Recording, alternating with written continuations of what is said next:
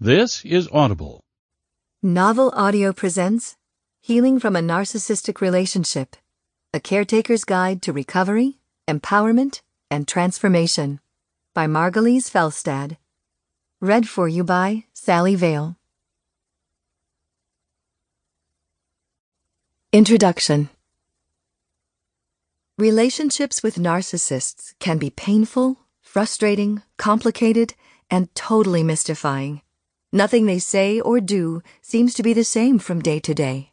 They can be charming and loving one moment and hateful and demeaning the next. They tell you one thing and then do another. When you confront them with these discrepancies, they blame you and say you're the crazy one, and often you do end up feeling like you're crazy. The narcissist can swing you from emotional highs to emotional lows. Most relationships with narcissists can be described as follows. The relationship started out almost as a fairy tale.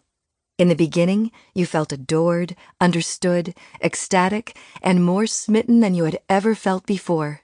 You thought that the two of you were completely in tune and that you even shared the same thoughts, feelings, and dreams. Your partner described to you the perfect life you would share together, more wonderful than you would have dared to dream of on your own. You felt a oneness. The relationship progressed very quickly, and within days, you were deeply and irrevocably in love. The narcissist told you this was the perfect relationship, and you committed yourself entirely. But something changed after that. It may have been almost instantly, or may have taken a few months or longer. Your oneness didn't seem to be there anymore. Your loved one became controlling, selfish, angry, blaming, and self justifying. You no longer felt understood, and your needs seemed to be discounted and even mocked. You began to feel unheard, unappreciated, frustrated, and often depressed and anxious. You had to work hard to ignore your feelings of hurt and rejection. You tried to talk about your feelings and needs, only to be treated as if your requests were silly, unimportant, or just plain foolish. You ended up wondering what was wrong with you. What had you done to make your loved one so distant and indifferent? You kept trying. You made accommodations. You gave more love and attention. You gave in to keep the peace. You gave up your interests and even time with your friends and family to meet your loved one's expectations. You tried in every way to be the perfect spouse or partner and you kept hoping to get that loving feeling to return. It was so confusing.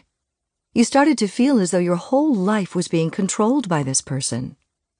Why was your partner being so mean and self centered? You wanted your needs to be considered. You wanted to feel cared about. You wanted the relationship to be more equal and shared. You tried to do everything perfectly, and when that didn't work, you tried harder. Nothing seemed to make a difference for very long. You continually felt like the giver, your partner always demanding and taking more. And you often felt guilty that you weren't doing enough and couldn't get it right. The longer you're in a relationship with someone so self centered and self absorbed, the more you feel drained, disappointed, and hurt. His selfishness pushes you away but something inside of you keeps hoping things will change and he'll again be the person you know he can be the funny, smart, caring person you first met, but who now seems to be buried most of the time. Along the way, you saw hopeful signs. Your partner would suddenly be just as sweet and loving and attentive as you remembered. You felt that surge of happiness and relief that things were going to be all right after all. But all too quickly, he switched back into anger and blame, ignoring and criticizing you when everything didn't go perfectly. Through all of this, you kept hoping things would work out. And you kept working hard to be loving and kind to prove how much you wanted to make the relationship succeed. Then one day your loved one announces that the relationship just is not working. It's no longer fulfilling or exciting. You're too negative and needy. You're boring and uninteresting. What? You are shocked and wonder if he's kidding you. You tried all this time to be as perfect, loving, accommodating, and giving as humanly possible, and that wasn't enough? You discounted your own needs and wants to make the relationship work, and even that wasn't sufficient. You denied your own feelings of dissatisfaction and kept trying to be positive and optimistic. Now he says it's your fault. You didn't give enough, or you complained too much, or you weren't interesting enough, or sexy enough, or whatever enough. You've just been dumped by a narcissist. Over my 30 plus years of working as a marriage and family therapist, I have witnessed many such scenarios. And I, too, was once dumped by a narcissist. The experience is mind numbing and devastating. Over the years, it has been my purpose to comfort and heal the family members who are negatively affected by a loved one with narcissistic personality disorder. So many people, including therapists, try to figure out why narcissists do what they do, and there are hundreds of books on that subject. I wrote my first book, Stop Caretaking the Borderline or Narcissist, because there was little written for people who found themselves enmeshed in a relationship with a narcissist or borderline person. I wanted family members to know that they were being seen and heard. I wanted to tell them there are defined patterns of thinking and feeling that create these insane dramas that they get drawn into. I wanted to show them they could get out of the drama. I also wanted them to know they could not fix or cure their narcissistic family member, but that they could stop buying into the narcissist's insanity and learn to make a better life for themselves. This book goes a step further. It's about healing and becoming whole and healthy again after a narcissistic relationship. I did it, and I have helped thousands of people find understanding, learn new skills, and heal in my caretaker recovery groups. When you're in a close relationship with a narcissist, you inevitably give up yourself, your dreams and opinions, and even your sense of individuality. You fall into what I call a caretaker pattern one in which you give up your needs to take care of what the narcissist needs and wants. You have to reverse this pattern in order to regain your emotional health. This book shows you how to do just that.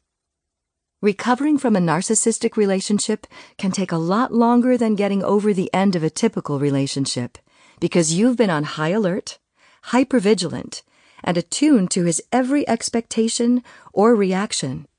It will take some time for your stress hormones to become normal again. You may find that you feel exhausted and have to regain your strength. Most of all, you'll need to rebuild your sense of self and self worth. No one gets out of a relationship with a narcissist unscathed. If you feel confused and mystified, then this book will help you see things more clearly. If your self esteem is in shambles, it will show you how to heal your wounds and regain your strength. If you wonder why all this happened, you'll find information and understanding. If your self confidence has evaporated, you'll find encouragement. If you don't know where you're going from here, this book will give you direction. If you have been through this same kind of relationship before, now is the time to break the pattern of taking care of others while ignoring and giving up yourself. Out of this experience, you can learn better self care and self love. You can heal and recover your strength. You can break out of the self sacrificing caretaker pattern forever and become more resilient than you ever were before. You may even find a new purpose and energy, and maybe even a new you. It is never too late to choose again, begin again, and make a better life for yourself. Part 1 The Narcissist and the Caretaker. Chapter 1 It's All About Them Narcissists. Here's the need to know revelation about narcissists. Whatever they do, it's never about you. Kathleen Parker, newswoman, The Washington Post. In the beginning. When you first met and fell in love with the narcissist in your life, you were attracted to the charming, confident, easygoing, super friendly way he appeared to be in the world.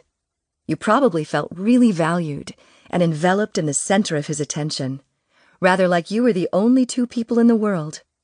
You felt special, selected, exceptional, or even privileged to have the attention of someone so fully and completely. You may actually have fallen in love in those first few moments. What a narcissist shows you. Usually, within the first session with a client, I will be asked Is my husband or wife really a narcissist? The second question is Will he or she ever get better? To answer the first question, let's look first at the behaviors and traits that identify narcissism. In Chapter 3, I'll cover information on why narcissists rarely get better. Narcissists create a glamorized false self or persona to show to the world. This image of superiority and friendliness is usually easygoing and sociable. When a narcissist sets his sights on you and turns on the charm, it is almost mesmerizing. The attention and solicitude feel so good. You may get pulled in by his superior disdain for the conventional and mundane, which can appear contemporary and edgy.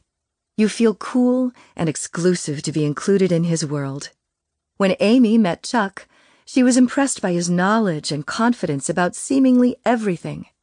This gave her a sense of truly being in the presence of someone exceptional, and it made her feel special.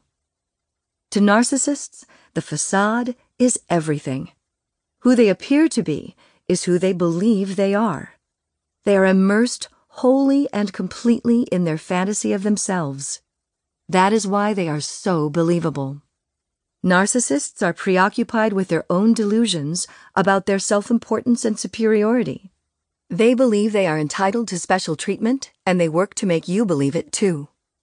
Some narcissists are very grandiose, and others are more quietly superior. They have an intense need to be perfect, well thought of, in control, and more significant than anyone else. You think you're being included in that top ranking, but you really aren't. What's below the surface? Below the facade of charm, humor, beguiling attentiveness, boastful self confidence, and stories of successes and accomplishments is a completely different person. One who is deeply selfish, needy, and controlling. The term narcissism is used to denote people who are at their core self centered, self absorbed, calculating, and manipulative. They hide and deny, even to themselves, these inner flaws while presenting a perfect image to the world. Only when you get really close to a narcissist will you find he's frequently defensive, angry, hostile, and demeaning. Narcissists want desperately to form a relationship that will supply their endless need for attention and provide a scapegoat for their blame. They look for someone who will give in to their control, who will take care of their endless demands, and who will be deeply attached to them and put up with their needy self centeredness. As you've struggled to understand your relationship with a narcissist, you may have come across many different descriptions and explanations for their behaviors. Narcissists can have passive aggressive traits, act obsessive and compulsive, be rageful, have drug, alcohol, sex, or gambling addictions, or be hypochondriacs. They enter relationships quickly and intensely, with lots of charm and attention on you, and when they're sure you're fully committed, they switch back to a complete focus on themselves, their wants and needs. Some are extremely emotionally destructive and others can be more benevolent. Some need constant attention from you. Others pour themselves into benevolent projects with other people to get community attention and praise while ignoring you for weeks at a time. Angela was smitten by Blake at first sight. He was witty, outrageous, and edgy. Within days, they were living together, but it was several months before Angela realized that Blake had taken over her entire life arranging all their social contacts, always deciding what restaurants, movies, and events to attend, and even choosing what Angela would wear. When she tried to make different choices, he would laugh, dismiss her ideas, and refuse to do much of anything her way. She found it easier to give in than to think about leaving the relationship. In actuality, narcissists are two people in one body. The false self protects and hides a repressed, vulnerable, negative, and despised inner self.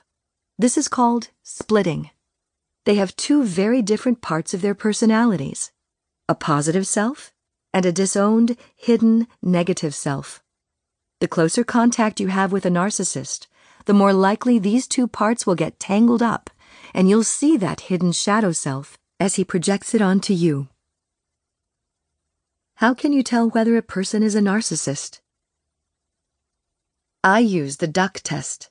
That is, if it looks like a duck and quacks like a duck, it probably is a duck. There are no physical blood tests, MRIs, or exact determinations that can identify narcissism. Even therapists have to go on their observations of the behavior, attitudes, and reactions that a person presents to determine narcissism. So here are the symptoms and behaviors you should look for. Keep in mind that not all of these have to be present to make a determination of narcissism. According to the Diagnostic and Statistical Manual, which therapists use as a guide, the person needs only 55% of the identified characteristics to be considered narcissistic. The list here is descriptive to give you a more real life picture of the narcissist's common behaviors. Superiority and entitlement. The world of the narcissist is all about good, bad, superior, inferior, and right, wrong. There's a definite hierarchy, with the narcissist at the top, which is the only place he feels safe. They have to be the best, the most right, and the most competent. Do everything their way, own everything, and control everyone. Interestingly enough, narcissists can also get that superior feeling by being the worst, the most wrong, or the most ill, upset, or injured for a period of time. Then they feel entitled to receive soothing concern and recompense and even the right to hurt you or demand apologies to make things even. High need for attention and validation. Narcissists need constant attention, even following you around the house, asking you to find things, or constantly saying something to grab your attention. Validation for a narcissist counts only if it comes from others. Even then, it doesn't count for much. A narcissist's need for validation is like a funnel. You pour in positive, supportive words, and they just flow out the other end and are gone. No matter how much you tell narcissists you love them, admire them, or approve of them, they never feel that it's enough, because deep down they don't believe anyone can love them. Despite all their self absorbed, grandiose bragging, narcissists are actually very insecure and fearful of not measuring up. They constantly try to elicit praise and approval from others to shore up their fragile egos, but no matter how much they're given, they always want more. Perfectionism. Narcissists have an extremely high need for everything to be perfect. They believe they should be perfect, you should be perfect, events should happen exactly as expected, and life should play out precisely as they envision it. This is an excruciatingly impossible demand, which results in the narcissist feeling dissatisfied and miserable much of the time. The demand for perfection leads the narcissist to complain and be constantly dissatisfied. High need for control. Since narcissists are continually disappointed with the less than perfect way that life unfolds, they want to do as much as possible to control it to their liking. They want and demand to be in control, and their sense of entitlement makes it seem logical to them that they should be in control of everything. Narcissists always have a storyline in mind about what each character, in their interaction, should be saying and doing. When you don't behave as expected, they become quite upset and unsettled. They don't know what to expect next because you are off script. They demand that you say and do exactly what they have in mind so they can reach their desired conclusion. You are a character in their internal play, not a real person with your own thoughts and feelings. lack of responsibility, blaming, and deflecting. Although narcissists want to be in control, they never want to be responsible for the results. Unless, of course, everything goes exactly their way and their desired result occurs. When things don't go according to their plan, or they feel criticized or less than perfect, the narcissist places all the blame and responsibility on you. It has to be someone else's fault. Sometimes that blame is generalized. For example, all police, all bosses, all teachers, all Democrats, and so on. At other times, the narcissist picks a particular person or rule to blame. For example, his mother, the judge, or laws that limit what he wants to do. Most often, however, the narcissist blames the one person who is the most emotionally close, most attached, loyal, and loving in his life you. To maintain the facade of perfection, narcissists always have to blame someone or something else. You are the safest person to blame because you are least likely to leave or reject him. Lack of boundaries. Narcissists can't accurately see where they end and you begin. They're a lot like two year olds. They believe that everything belongs to them, everyone thinks and feels the same as they do, and everyone wants the same things they do. They are shocked and highly insulted to be told no. If a narcissist wants something from you, he'll go to great lengths to figure out how to get it through persistence, cajoling, demanding, rejecting, or pouting. Lack of empathy. Narcissists have very little ability to empathize with others. They tend to be selfish and self involved and are usually unable to understand what other people are feeling. Narcissists expect others to think and feel the same as they do, and seldom give any thought to how others feel. They are also rarely apologetic or feel remorseful or guilty. However, narcissists are highly attuned to perceive threats, anger, and rejection from others. At the same time, they are nearly blind to the other feelings of the people around them. They frequently misread subtle facial expressions and are typically biased toward interpreting facial expressions as negative. Unless you're acting out your emotions dramatically, the narcissist won't accurately perceive what you're feeling. Even saying, I'm sorry, or I love you, when the narcissist is on edge and angry can backfire. He won't believe you and may even misperceive your comment as an attack. In addition, if your words and expressions aren't congruent, the narcissist will likely respond erroneously. This is why narcissists often misinterpret sarcasm as actual agreement or joking from others as a personal attack. Their lack of ability to correctly read body language is one reason narcissists are deficiently empathetic to your feelings. They don't see them they don't interpret them correctly, and overall, they don't believe you feel any differently than they do. Narcissists also lack an understanding about the nature of feelings. They don't understand how their feelings occur. They think their feelings are caused by someone or something outside of themselves. They don't realize that their feelings are caused by their own biochemistry, thoughts, and interpretations. In a nutshell, Narcissists always think you cause their feelings, especially the negative ones. They conclude that because you didn't follow their plan or because you made them feel vulnerable, you are to blame.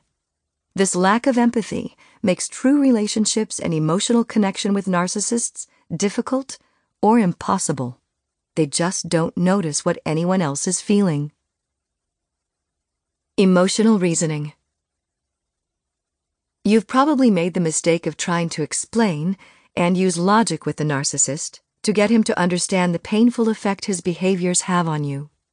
You think that if he understands how much his behaviors hurt you, he'll quit doing them. Your explanations, however, don't make sense to the narcissist, who only seems able to be aware of his own thoughts and feelings.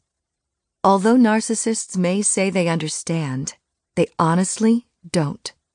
Therefore, Narcissists make most of their decisions based on how they feel about something.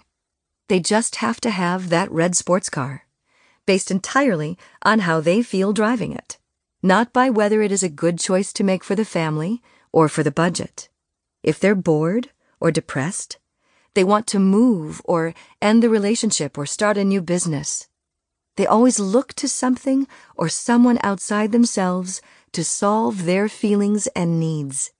They expect you to go along with their solutions, and they react with irritation and resentment if you don't.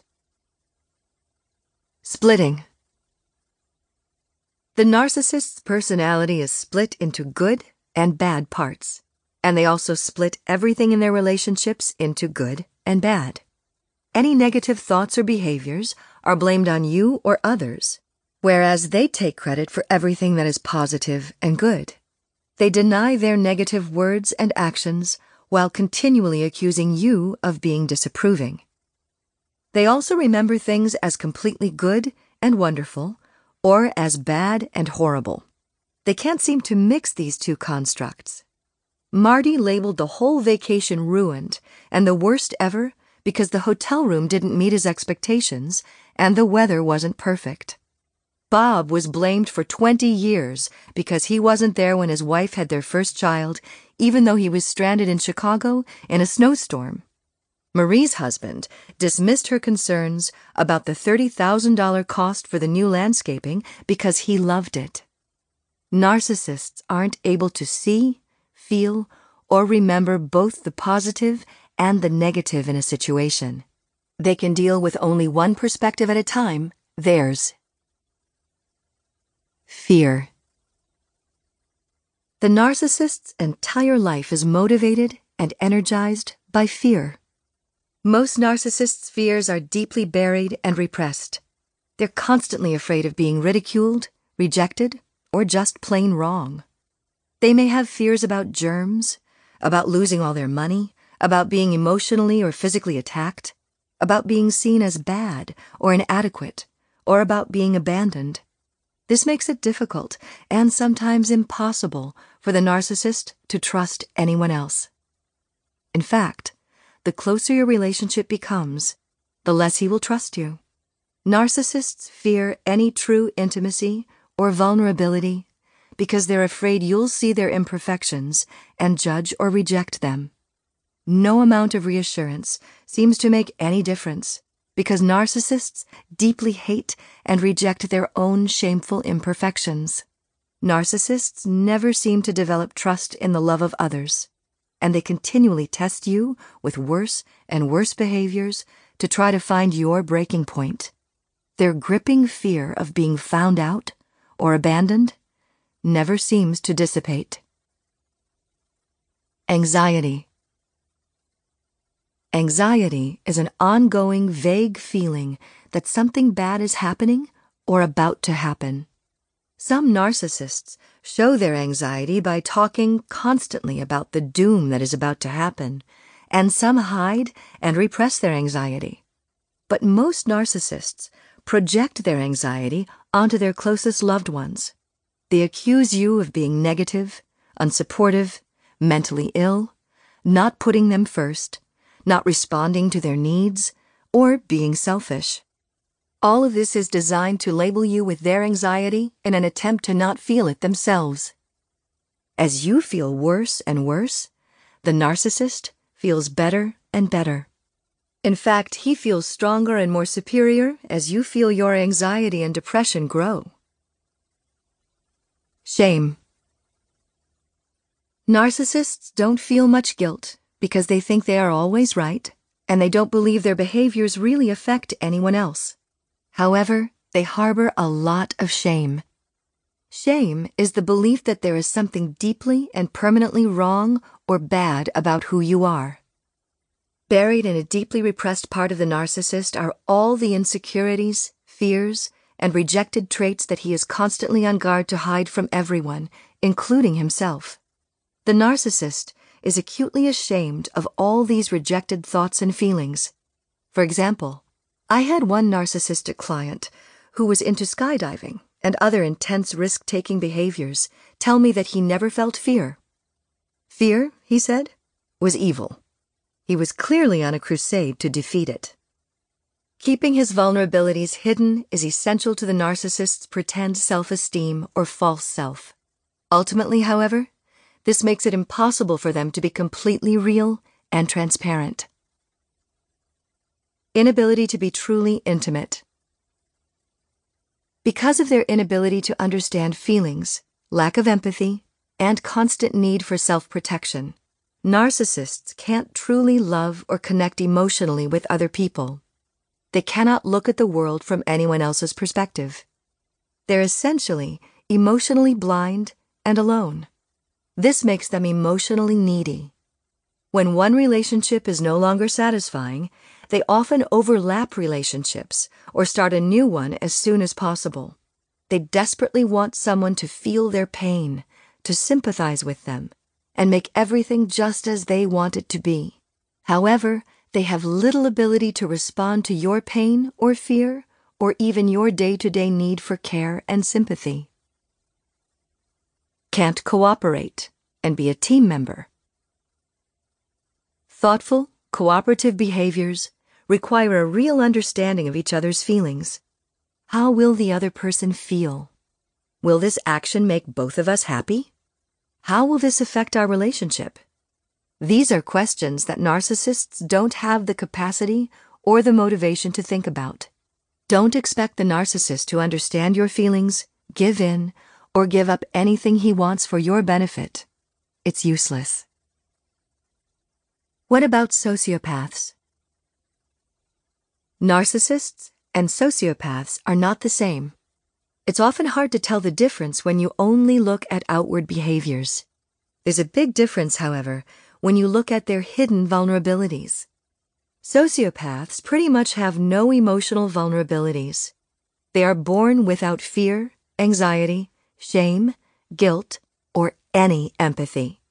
They do not care about your feelings even a little. Narcissists, on the other hand, want to have a relationship, but they have some real disabilities in their capacity to respond with compassion and understanding. Sociopaths do not have any desire for a relationship with you. Their goal is to get whatever it is you have that they want, such as money, property, sex, attention, cooperation, without giving you anything in exchange, and then move on. Narcissists often keep hanging on to the relationship with you even after you split up because they want that connection and continued attention. If you're recovering from manipulation or abuse by a sociopath, you'll need more help than this book can provide. You have been severely abused, and you may need ongoing psychotherapy, deprogramming, or intensive emotional care. However, this book can lead you in the right direction toward increasing your self esteem and becoming more self loving. Conclusion For narcissists, life is all about them. They create an appealing and charming facade to hook you into a relationship, but hidden under that false self are a multitude of relationship limitations and dysfunctional emotional responses. The narcissist promises to take care of you and make you the center of his life, only to turn the tables on you and demand that you be totally focused on him. Narcissists hide their emotional deficits or blame you for making them act angry, hurtful, and selfish. It's not until you are truly committed to the relationship that you discover how many discrepancies there are between the narcissist's presented image and his real personality. You got hooked into this relationship under false pretenses. What you were offered and thought you were getting disappeared almost immediately after you made a commitment. It will never return for any length of time. In the next chapter, I'll share with you information about the qualities and relationship patterns that you brought to this relationship and how they mesh with the narcissist's characteristics. Questions for reflection. Which of the behaviors presented here does the narcissist in your life have? What traits or behaviors attracted you to the narcissist? Which of those are still present on a daily basis now? What effect has the narcissist's blame and anger had on you? How has the narcissist's lack of empathy affected your relationship? Can you identify times when the narcissist completely misread or misinterpreted things you said or did? What traits of fear, anxiety, and shame have you seen in the narcissist? What percentage of the behaviors mentioned in this chapter does the narcissist in your life exhibit? Chapter 2 What About You? I thought I knew who I was but I was you. Rumi. Why the narcissist needs you to be a caretaker. Narcissists are actually very needy, insecure, and emotionally disabled, so it is vital for them to be in a relationship with someone who can take care of all of these deficits. Narcissists are highly self oriented, but they need a partner to help them project their illusion of competence and perfection in the world. Although they are emotional loners, they don't ever want to be alone. They also want someone who will accept all of their cast off feelings and still love, accept, and stay with them without their having to change. People who are willing to take on this role I call emotional caretakers. If you have been in a relationship with a narcissist for any length of time, either you already were an emotional caretaker or you have since become one. Emotional caretakers. Other oriented. People who become emotional caretakers to a narcissist tend to naturally be highly empathetic, agreeable, easygoing, and flexible. They're considerate, caring, generous, and giving. They look for the good in others, and they like to please others. They're steady and reliable and want to do a good job. When they see someone who needs help, they are often the first ones to step in. Giving to others gives them pleasure. They make excellent workers, staunch friends, loving parents, and loyal spouses. So far, this describes really nice, caring people. However, to consistently be an emotional caretaker for a narcissist, you have to also have some self defeating traits. Otherwise, you wouldn't have stayed in the relationship. Caretakers tend to be overly giving, overly loyal, and too empathetic. Traits that narcissists highly encourage and use to their advantage. You probably have a strong sense of guilt, even when something isn't your fault. You might have a hidden tendency toward low self esteem and a fear of anger or disagreements. And you may be easily manipulated by blame, accusation, and disappointment from others you probably discount your own wants and needs and give in too much to others. Caretakers usually downplay their own good qualities while admiring and praising the good in others, a narcissist's dream come true. And finally, you are probably not comfortable being in charge. These strengths and susceptibilities make you a perfect match for what the narcissist needs. Let's look at these qualities in more depth. Strengths Super empathetic. What narcissists lack in empathy, emotional caretakers make up for in overflowing measure. Caretakers are extremely empathetic. Actually, more along the lines of being sympathetic. That is, you may actually feel your loved one's feelings more strongly than your own. You're extremely good at reading even the smallest facial cues and body language, and you often know what other people feel before they do. So the narcissist just has to give that look, and you'll jump into action to take care of things. Obviously, this is very appealing to the narcissist, who already expects you to read his mind. Agreeable, easygoing, and flexible. Emotional caretakers typically respond to requests from others with, okay, fine, sure, I'd be happy to do that. This doesn't necessarily mean you actually want to do what is being asked. It's likely that you don't even think about saying no. Caretakers try to be as agreeable and pleasing as possible. When plans change, you don't worry too much, but are adaptable and flexible. You tend to be easygoing, so it doesn't feel difficult to adjust your preferences to meet those of the narcissist. In addition, when the narcissist is being rigid and upset about sudden changes and adjustments and plans, you easily smooth things over and move forward. Generous and giving. Emotional caretakers share easily, give generously, and automatically look for ways to help others. You get a lot of personal pleasure and satisfaction out of giving your time, attention, energy, and even money and other kinds of tangible help. You often don't even keep track of how much you're giving, nor do you expect others to give as much as you do. You just take it for granted that other people will reciprocate in kind when they are able. You often don't notice that the narcissist isn't giving you nearly as much or repaying your kindness until the balance sheet is extremely unequal. Look for the good in others. Emotional caretakers don't like to speak negatively about anyone.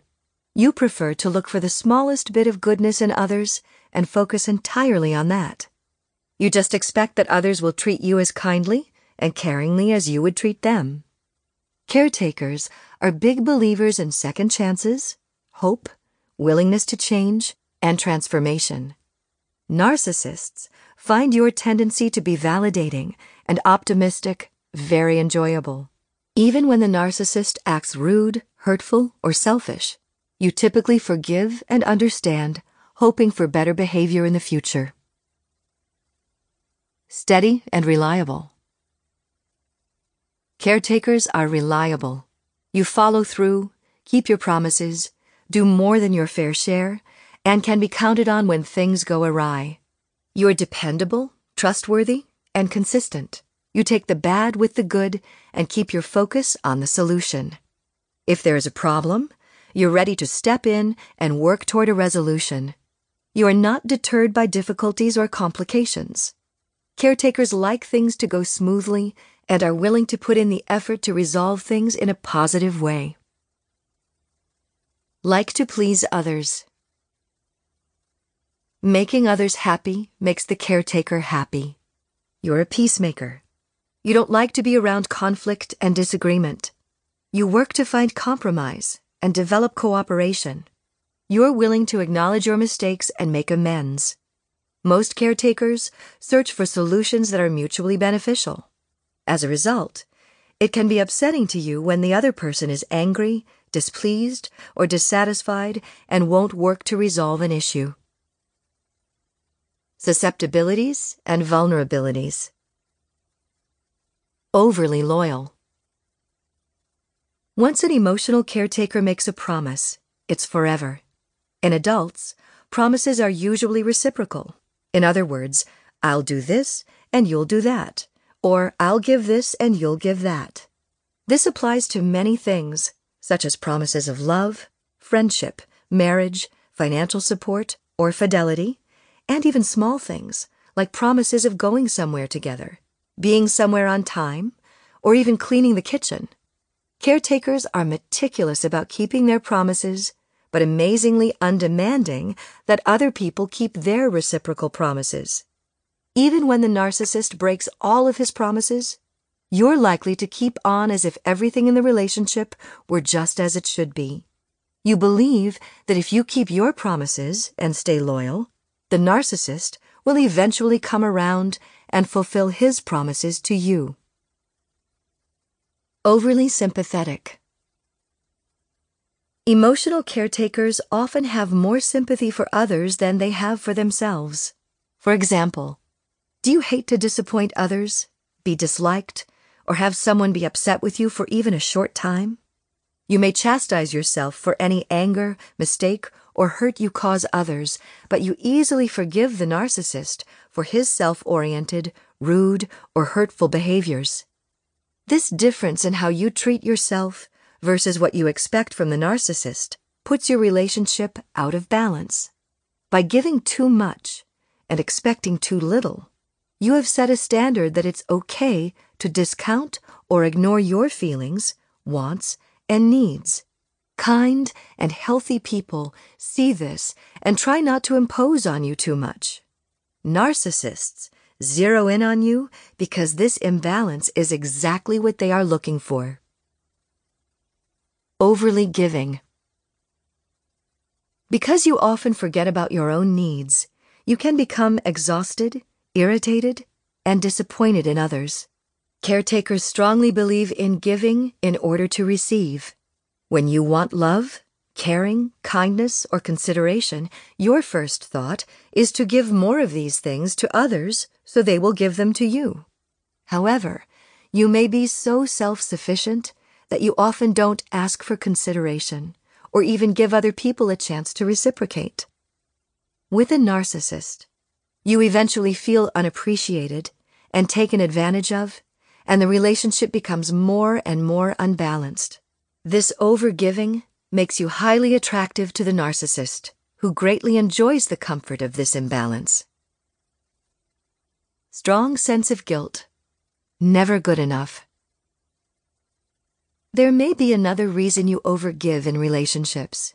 You may feel that you aren't good enough, so you should give more. Most caretakers expect themselves to meet extremely high standards of goodness, which can lead to feelings of guilt for not doing enough for others, not being kind enough, or not going the extra mile. This makes you easy prey for the narcissist's pattern of blaming others. They notice your feelings of guilt and inadequacy and use them to get what they want from you. Fear of anger and disagreement. Emotional caretakers don't like anger, disagreements, or discord. They sometimes physically recoil from these negative situations and may even have a loathing reaction to conflict. When under stress, many caretakers freeze, can't think of what to say, and prefer to give in rather than fight. Caretakers frequently grow up in families where there was either a lot of dysfunctional conflict or no conflict at all, so you may not have learned effective conflict resolution skills. You may not know how to effectively stand up for yourself or tolerate in harmonious environments. When you're in a relationship with a narcissist, there are a lot of conflicts. The narcissist always wants to do things his way, so you must either give in all the time or fight for what you want. Narcissists use your fears about conflict to coerce, control, and force you to give them what they want. You can find it extremely hard to stand up to such an intimidating and stubborn person. Weak boundaries. A boundary is a line that separates you from someone else.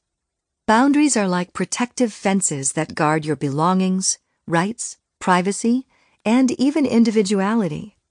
Many boundaries are set by social convention or law, but most are set when you do things like say no, close a door, hang up the phone, or don't allow someone to treat you in a particular way. Boundaries, by definition, are a way to keep other people and their energy at a distance, even when they don't like it. Setting boundaries when the other person doesn't want the separation can be quite a challenge for caretakers. You don't like being disagreeable or demanding. You also just expect others to follow convention and respect your boundaries without your having to define or defend them. When you get into a relationship with a narcissist, you're shocked and surprised that he doesn't recognize or honor your boundaries.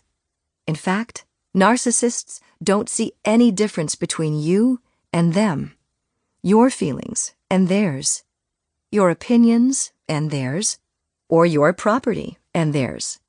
Their blindness to boundaries makes it imperative that you set boundaries over and over to keep your space and identity intact.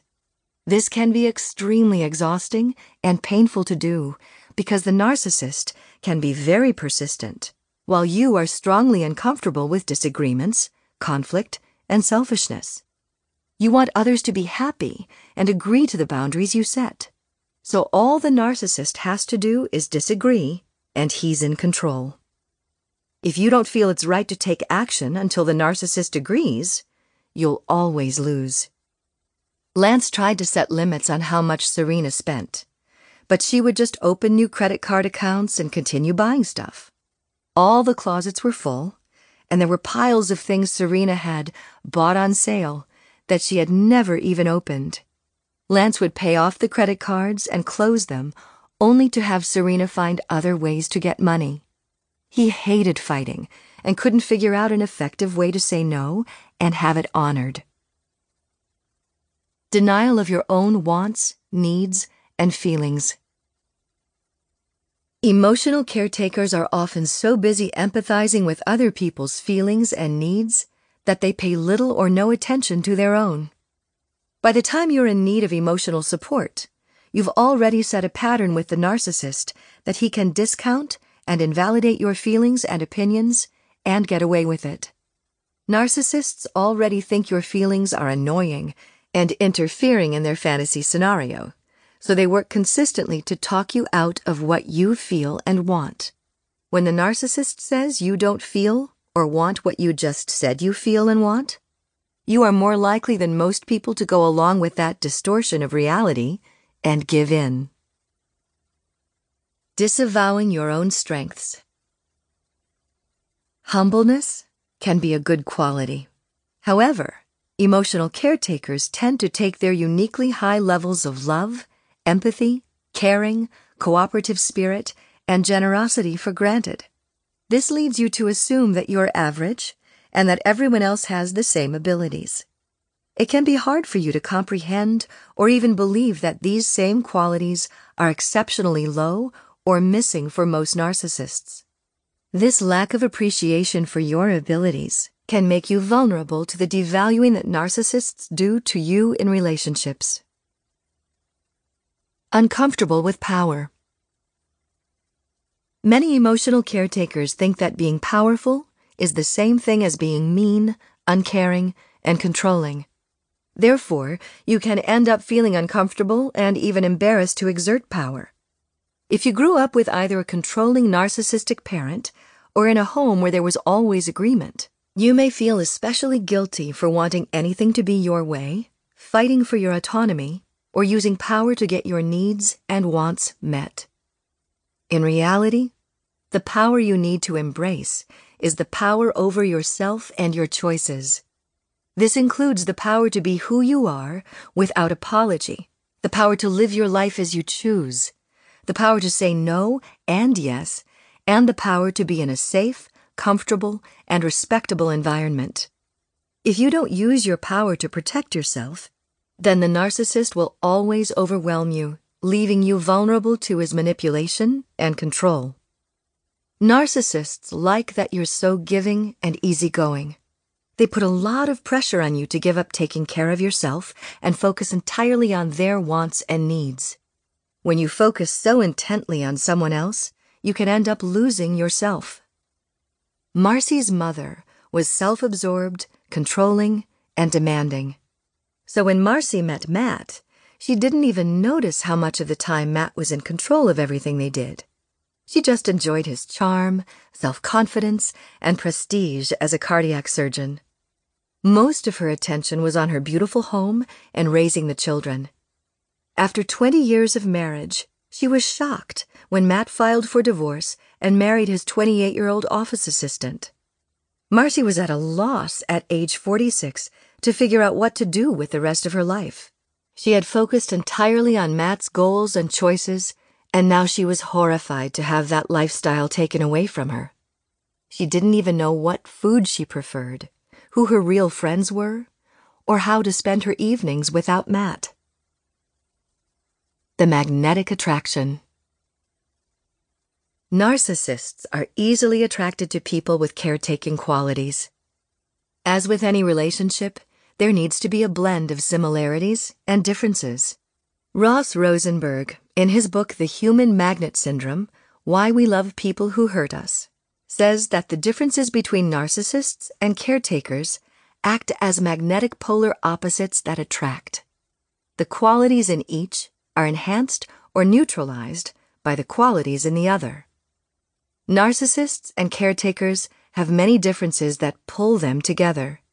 Narcissists want someone to look after them, and caretakers love to give and care for others. Narcissists like being in control and getting their own way, whereas you're more willing to give in to what they want. Narcissists are intense, confident, and decisive whereas you're more easygoing, laid back, agreeable, and willing to let others be in charge. Narcissists are always coming up with something new, and you're good at transforming their ideas into concrete reality. Narcissists are distractible and spontaneous, whereas you're stable and reliable. You're extremely empathetic, which can disguise the narcissist's low empathy. Lastly, narcissists feel entitled to get whatever they want, whereas you will usually sacrifice your own wants and needs for the narcissist. There are also some similarities connecting narcissists and caretakers. You both carry a hidden need to be perfect and a fear of being inadequate. However, the narcissist pretends to be perfect while you work tirelessly to become perfect.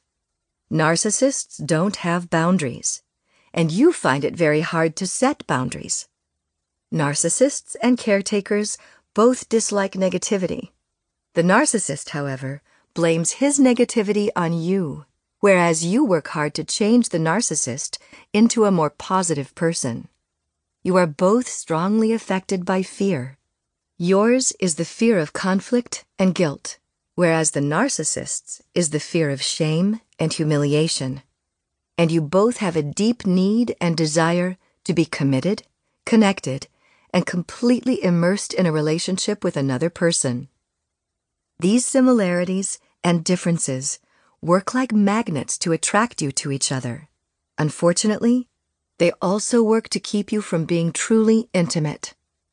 Intimacy requires two people willing and able to be vulnerable open, and emotionally close. You and the narcissist may have physical and sexual closeness, trying to do everything together, and even pretending to think and feel alike. But intimacy requires sharing your deepest differences and weaknesses and exposing your tender feelings. Narcissists can't risk that level of vulnerability, and they make it unsafe for you to risk it either. I'll explore this in the next chapter. Conclusion If you weren't a caretaker before you entered this relationship, it was inevitable that you would become one. The narcissist demands that you respond with caretaking behaviors or he'll make life miserable. Narcissists inexorably push you more and more into focusing on them and less and less on yourself. They discount and disregard your feelings, thoughts, and needs while demanding your full attention and compliance. Being other oriented, caretakers bring high levels of empathy, flexibility, generosity, reliability, and caring for others to their relationships. These are wonderful traits, but they have to be balanced with boundaries, good self care, and the ability to stand up for yourself. When you connected to the narcissist, your caretaking qualities actually made you highly susceptible to being used and taken advantage of by him. The narcissist kept you enmeshed and controlled, filling his needs by using your kindness, loyalty, and willingness to give in to meet his wishes. You had hoped the charming, fun part of the narcissist that you fell in love with would finally reappear if you were more perfect, compliant, and agreeable. But that rarely happened. Strangely, it appears that the more of a caretaker you became, the more the narcissist pulled away, demanded more, and disdained your efforts. And now, after all you've given and put up with, the narcissist wants out and blames you for all of his dissatisfactions. It's so unfair. Questions for reflection. Which caretaker traits do you see in yourself? What feelings, wants, and needs have you repressed or hidden in this relationship? Which caretaker traits have made you vulnerable to manipulation by the narcissist? How does the narcissist use your caretaker traits against you? In what ways are you and the narcissist alike? How are you different? Can you put into words what magnetically attracted you to the narcissist? Do you act as a caretaker in any other relationships? Chapter 3 Why Relationships with Narcissists Are Always Doomed. Anyone who wants you to live in misery for their happiness should not be in your life to begin with. Isaiah Hankel, author, speaker, and Fortune 500 consultant. Your relationship with the narcissist was always doomed. The most common ways relationships with narcissists end up are as follows 1. The narcissist gets bored, feels too vulnerable, doesn't want to act more mature and caring, or feels humiliated and leaves. 2. The caretaking partner gets fed up, and a final, unforgivable behavior by the narcissist triggers the caretaker to leave. 3. The caretaker becomes completely compliant, submissive, and dependent, and the narcissist leaves or just ignores the caretaker and creates a separate life. 4. Both the narcissist and the caretaker create independent, separate lives and continue to live together. You'll notice that there is no scenario in which the narcissist changes into a loving, caring partner and both of you live happily ever after. Narcissism is a serious personality disorder. It runs in families and seems to be increasing.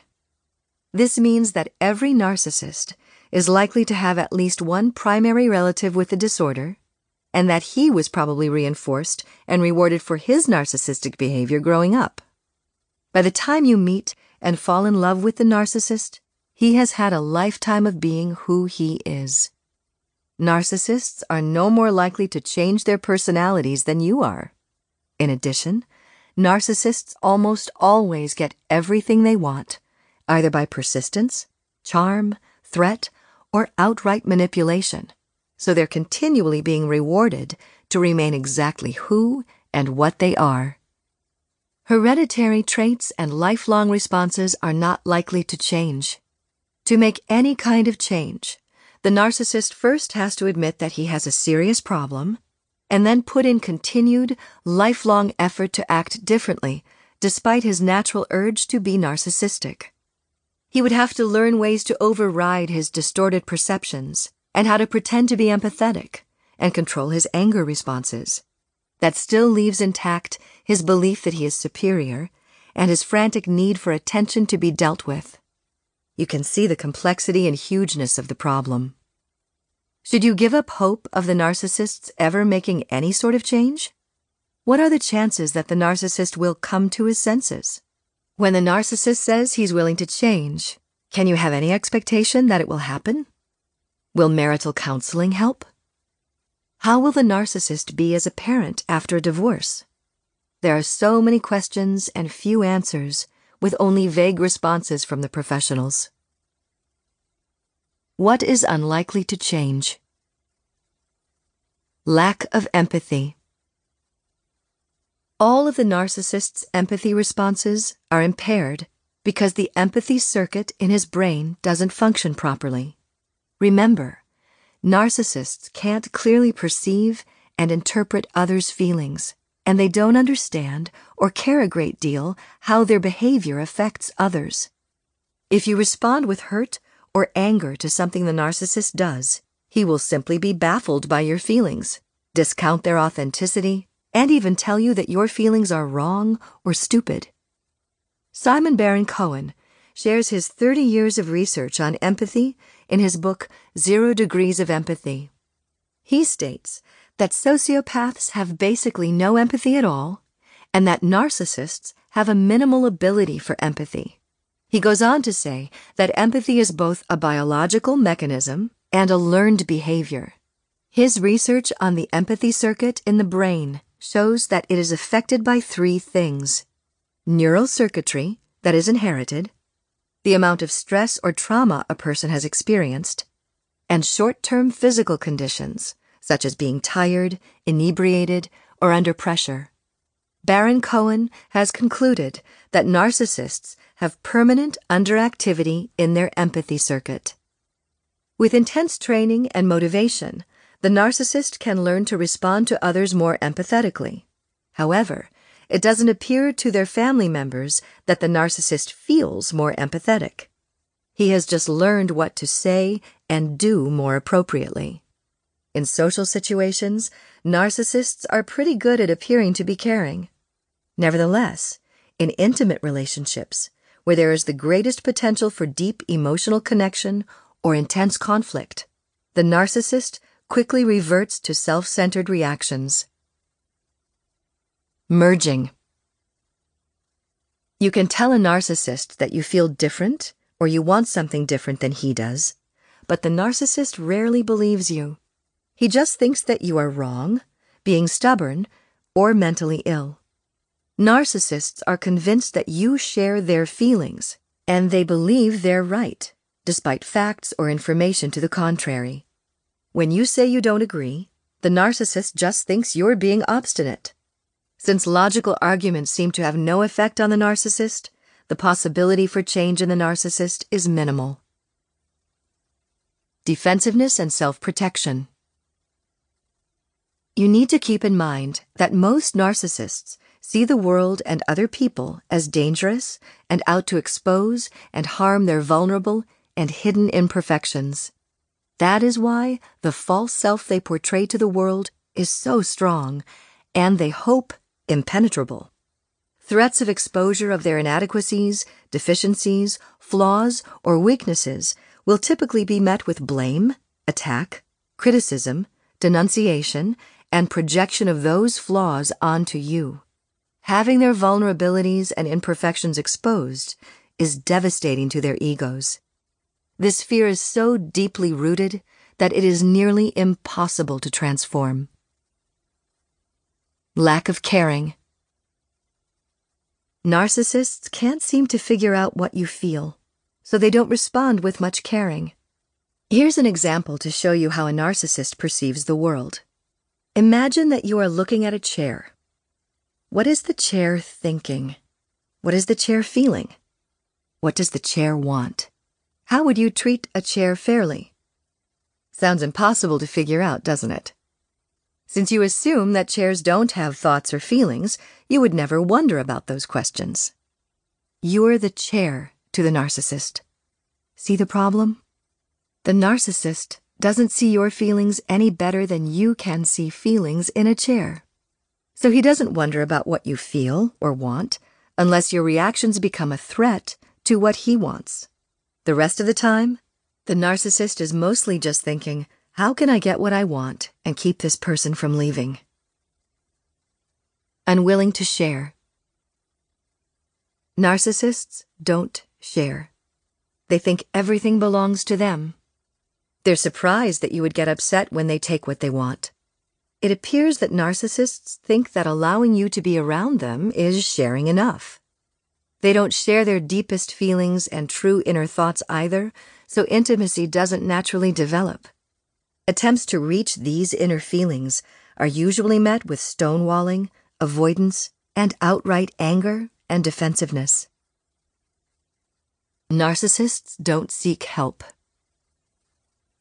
Narcissists could have a chance to learn better ways to interact in relationships, but they are the least likely group to seek help. Narcissists rarely go into therapy. They keep their false self intact by buying wholeheartedly into the fantasy that everyone else has a problem, but they are perfectly fine. The rest of their family members may all be on medication or in therapy because of the narcissist's behaviors, but getting the narcissist into therapy is nearly impossible.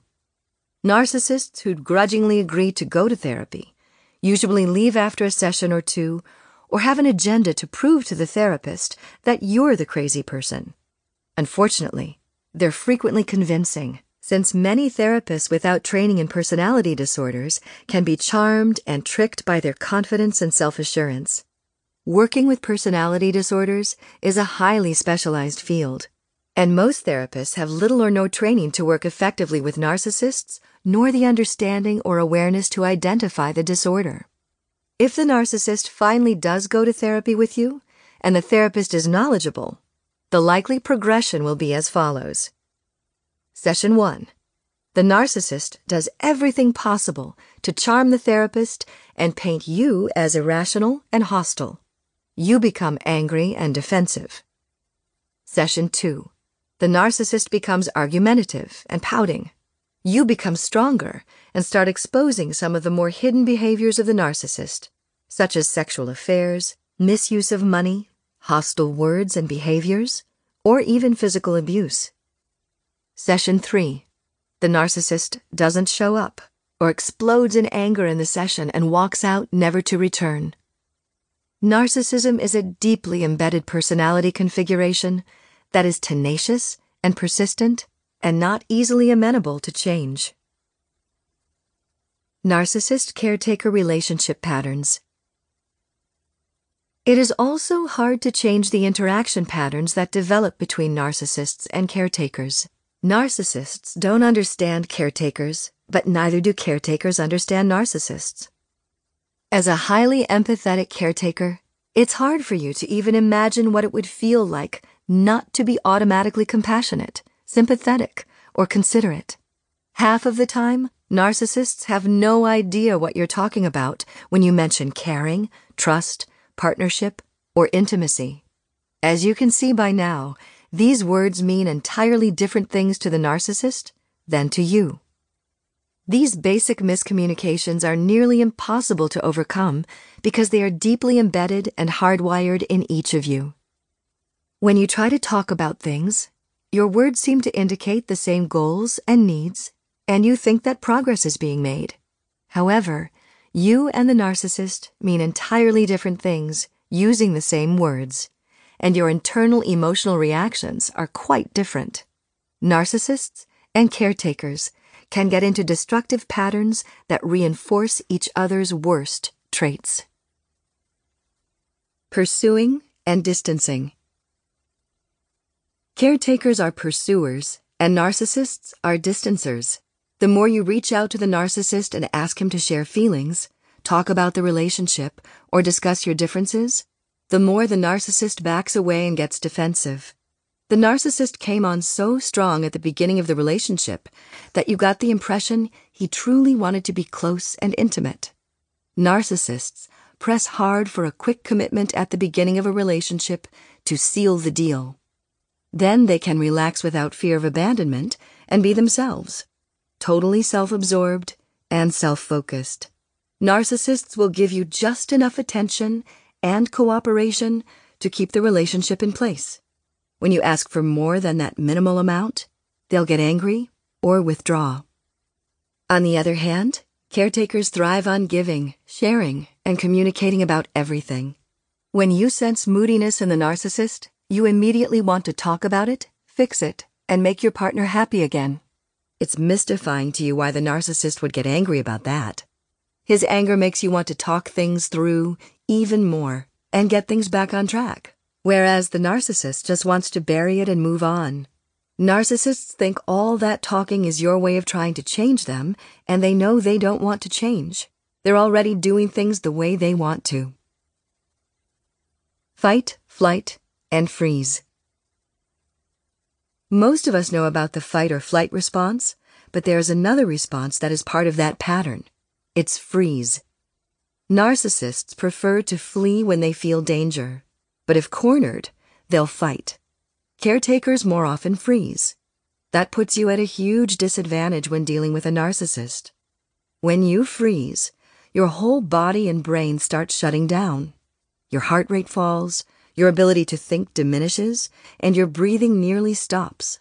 In the meantime, the narcissist is either out the door or verbally berating you. Fight, flight, and freeze are all fear responses which are biologically based and designed to deal with attacking lions or natural disasters. When both parties have high levels of fear and anxiety, these automatic reactions can make it difficult to solve differences in intimate relationships. Adrenaline gets activated, and the ability to think and problem solve goes out the window. To solve relationship problems, human beings need to feel safe, secure, and confident in the other person's love and commitment. They also need a sense of ease, trust, and understanding. The automatic fear reactions that you and the narcissist trigger in each other illustrate a core fact of the narcissist caretaker relationship. There is not enough trust and belief in the strength of the intimate bond to directly and fearlessly confront and overcome differences. Somewhere, deep down, you both know this relationship works only one way the way the narcissist wants it to work. Parent and child, superior, inferior. Narcissists always think and behave in a one up and one down pattern in their interactions with you. They need to be superior and right about everything. They also find most mundane chores beneath them or too much of a bother, so they expect you to do them and treat you like an underling. Narcissists want to put their energy into doing only the things they like to do. You end up taking up the slack, whether it's doing all the cooking, cleaning, family scheduling, or getting children to their activities. As the caretaker, you come to feel like the parent, because the narcissist acts like a child who needs lots of caring and monitoring. The narcissist believes he's the boss and you're the subordinate, whereas you think of him as an obstinate child. You both end up feeling superior and inferior at the same time. Instead of a team that works together for the benefit of all, you end up being in competition for who does the most work, who brings in the most money, who is irresponsible or selfish.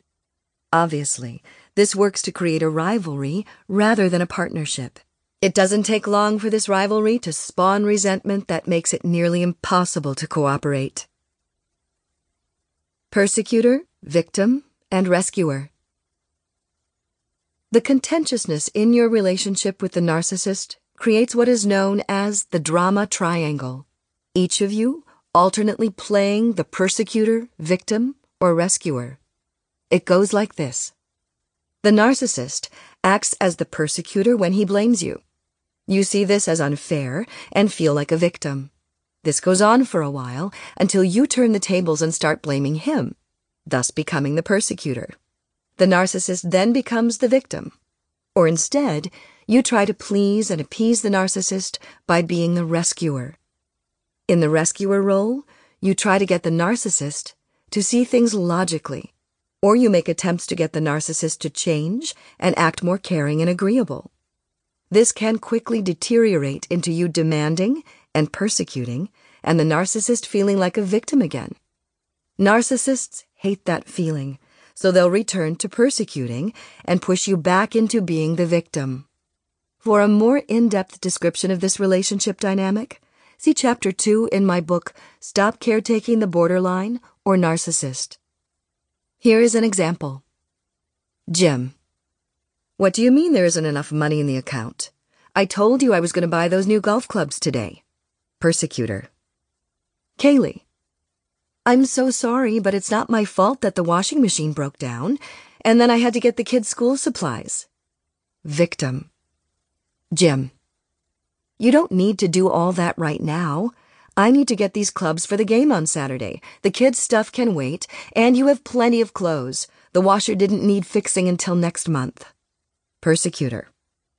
Kaylee. The kids start school this week. What was I supposed to do? Victim. You're just being selfish. What's wrong with you?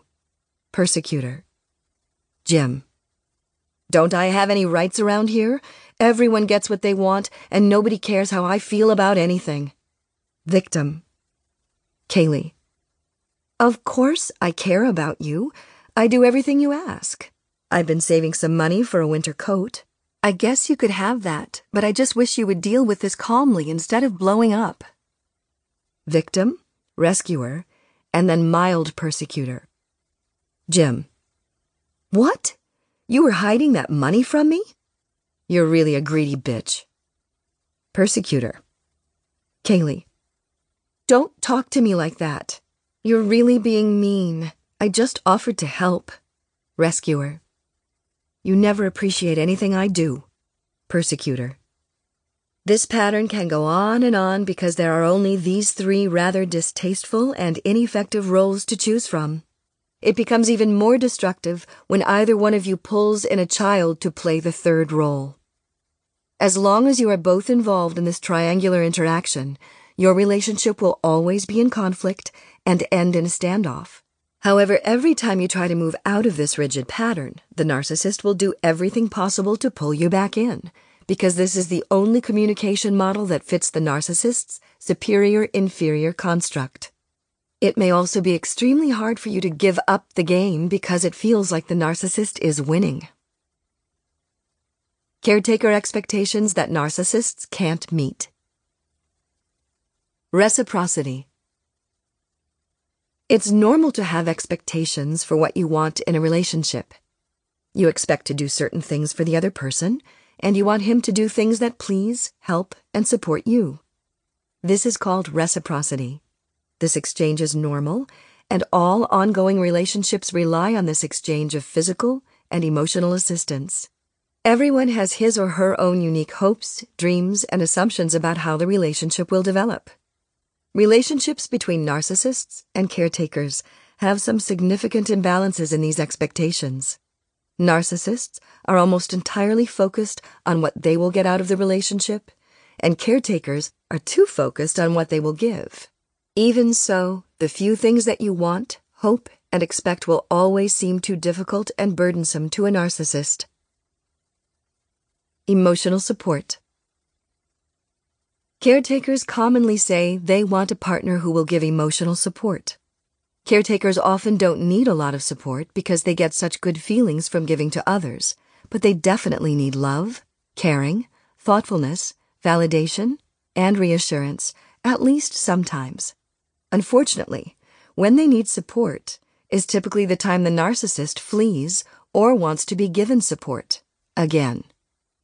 Since narcissists are so self absorbed, their support is rather random. However, random reinforcement is extremely powerful. For example, think of slot machine payouts. It eventually becomes difficult for caretakers to leave, even when so little is gained, because the next big payout may be just around the corner. A client of mine said that she felt that she got little support from her husband and was always asking for affection and consideration. She stayed in the relationship and kept surviving on his small tokens of caring until she ran across his will one day. As she read it, she saw that he had cut her out entirely, leaving the house, car, and all his savings to his daughter from a former marriage. If he died, she would be destitute. That was the last straw, but the signs had been there for years. She had tried to pretend that he loved her but being left impoverished was the insult that she could see clearly. Partnership. Most people today want a marriage that has a sense of teamwork or partnership. This requires that both parties identify their strengths and weaknesses and step in to help each other to accomplish their goals. Healthy relationships are built on this mutual assistance, which helps the entire family reach their common goals. Narcissists, however, believe they are working alone to reach their goals. When a relationship ends, this egocentrism is more visible. You may have thought you were working together, but during a divorce you hear things such as, All you did was take care of the kids. I made all the money. Why should I just give it to you? Or, You need to move out now. This house is mine. Or, You better pay up big time for all the hurt and selfishness I had to put up with. You become the enemy. There is and never was, any real sense of partnership other than in your fantasies. Acceptance. When you met the narcissist, you felt completely accepted and adored. Once you became fully devoted and committed to the relationship, however, that feeling dwindled. The narcissist always wants and expects more, continually demanding that you prove you're good enough, caring, or thoughtful enough to be considered satisfactory. It's nearly impossible to feel true approval and acceptance. Without a reliable sense of acceptance, it's impossible for you to feel trusting and secure. Intimacy. The thing caretakers say they want most from their partners is emotional intimacy. This usually refers to a feeling of exclusive closeness, deep knowledge, and information about each other, special shared experiences, secret confidences, and sexual fidelity. Narcissists have a hard time doing any of these things exclusively and consistently. You think you're hearing special confidences, but many times things they tell you aren't even true because narcissists frequently lie or embellish their experiences and accomplishments to impress others. I've had clients who found out years later that their spouses had been previously married and had children, or didn't finish their college degrees, or were never in the military, or had had affairs for over a decade. These are shocking revelations that can destroy any sense of trust and intimate closeness you may have thought you had. For narcissists, intimacy primarily means sex. Sex fulfills their notion of closeness without having to reveal anything about their vulnerabilities, inadequacies, faults, or mistakes. They feel reassured without being emotionally exposed, and they often use sex to keep their partners securely attached. What does this mean? You have a right to expect your primary love relationship to fulfill basic emotional needs. Narcissists are great at telling you all the things they'll do for you when the relationship begins, but they just aren't able to meet anyone else's ongoing needs for any length of time. They find it challenging to consistently pay attention to any one person. They have just too many things about themselves that they have to think about. The narcissist's inability to meet your expectations is surely disappointing. You may occasionally get some of what you want, but it's not consistent and is often given grudgingly, so you're often disappointed and confused. Narcissists' expectations that can't be met. Constant attention. Narcissists love being in relationships because it gives them a 24 7 audience. You're expected to be available anytime, day or night, give them all your attention, and not be distracted anywhere else. Whether it is time spent at work, on the phone with your family, or even attending to your children's needs. The narcissist always wants to come first, be able to tap into your energy, and be noticed by you at any moment. He will barge in when the door is closed, follow you around the house, and ask you to fix things or handle a problem he has always assuming you're available. Even if you oblige and give all of your free time to the narcissist, he will typically not be satisfied. He may try to cut you off from your family and friends, convince you to work from home, or quit work altogether so you can be with him. Despite all that you give, the narcissist will still accuse you of being selfish and disloyal and not loving enough. Adoration. Narcissists require total acceptance, recognition, approval, and agreement for everything they do, think, say, or want. They expect you to join their fantasy of being the greatest, most important, most knowledgeable, and most wonderful and perfect person of all time. The moment you no longer believe this fantasy, the narcissist will sense you pulling back and will go into overdrive to convince you to rejoin the illusion. If you can't regain your old enthusiasm, the narcissist moves into full harassment, criticism, and condemnation of your inadequacies, disloyalty, and selfishness. Narcissists cannot live without this adoration. Unfortunately, no one can give them all the glorification and devotion they feel they deserve. So they are always on the lookout for more admiration by giving to their community, neighbors, or social groups, while ignoring the needs of their own family quitting the job that supports the family to take off for a two month cross country bike ride, including blogs to admiring friends, having an affair, or spending evenings socializing with friends and ignoring you. These behaviors give the narcissist the admiration he craves while also punishing you for having needs and not giving him all that he wants. Excitement. Narcissists are always looking for something new and exciting. One of my clients said that her husband had filled their garage with so many different types of sports equipment that they couldn't park their car in the garage.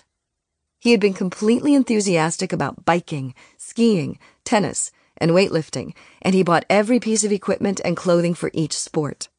However, his interest in each had lasted less than six months before he moved on to something else.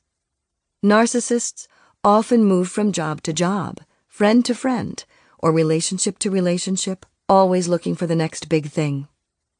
The narcissist also moves on to escape others from finding out that he isn't as advertised. Narcissists cancel activities with friends when they find something more fun to do. They forget their promises and commitments. They get easily insulted and feel rejected when others aren't instantly ready and excited to do what they want to do. They lose jobs when they don't follow through. Their quest for the new, the better, and the more exciting is a way of avoiding commitments, responsibilities, and imminent rejection. Keeping up the facade. The narcissist expects you to keep the secret of his hidden, negative self. He may not ask you directly to keep his lapses and acting out behaviors confidential, but it's implied or embedded in the narcissist's rule of privacy. He says, This is just between us. This is not something your family needs to know about. Or he gives you that look, which says, This is not to be shared with others. This secret keeping cuts you off from the support of friends and family by involving you in a collusion about your relationship that ultimately makes it hard for you to be open and honest about your own life and emotional distress. Any exposure on your part is treated as an enormous breach to the relationship. One client shared her hurt and disappointment about her marriage in an email to John, an old high school boyfriend whom she hadn't seen in years. She wasn't allowed by the narcissist to talk with her family and friends about personal things. She had no romantic feelings for John, but needed someone to help her understand her confusion and worry. When her narcissistic husband found out, he accused her of infidelity and filed for divorce. Sharing his inadequacies was an enormous betrayal to him. Total control. Narcissists want total control of everything that goes on in the relationship. He may expect to be in control of the money, the style and location of the house, and the type of discipline used with the children. He wants control over how you dress, what you eat, how much you exercise, how often you see your family, who your friends are, and where you vacation. Life is all about saving face and fear of exposure for the narcissist. What does this mean? The narcissist's expectations are so extreme and excessive that literally no one can ever hope to meet them. In addition, they never seem to feel satisfied, no matter how much others do for them. They look for people with caretaking traits because they know caretakers will try the hardest to meet their expectations. These relationships last longer than other pairings for narcissists because caretakers are more willing to keep trying to meet their demands and expectations. Caretakers keep hoping that if they do everything right, narcissists will eventually keep their promises, but that never happens for long. Conclusion The information in these first three chapters is meant to show you why this relationship has not worked out the way you thought, hoped, and dreamed it would. It probably confirms what you feel, but may not have seen clearly and clarifies why this relationship has been so complicated mystifying, disappointing, and frustrating.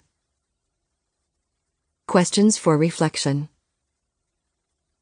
What behaviors in the narcissist have you been hoping will change? How much change in these behaviors have you seen over the course of your relationship? What patterns between you and the narcissist have you been caught up in? What part have you played in keeping these patterns going? Which role do you most often take? Victim rescuer, or persecutor. Make a list of the expectations you most want from an intimate relationship. Which of these did the narcissist fulfill? What impossible demands has the narcissist made on you? What do you think is likely to happen next in this relationship? Part 2 How could this be over? Chapter 4 The End Game New beginnings are often disguised as painful endings. Lao Tzu. You are probably listening to this book because your relationship with a narcissist is ending or has ended. This chapter looks at how these relationships end.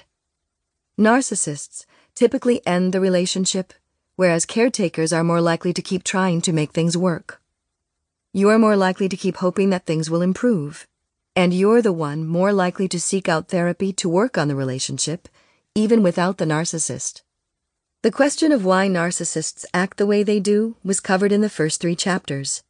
Now the questions are why does the narcissist want to end this relationship, and should I agree to ending things?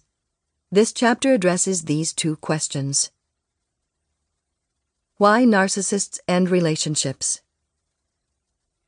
Narcissists end relationships for numerous reasons.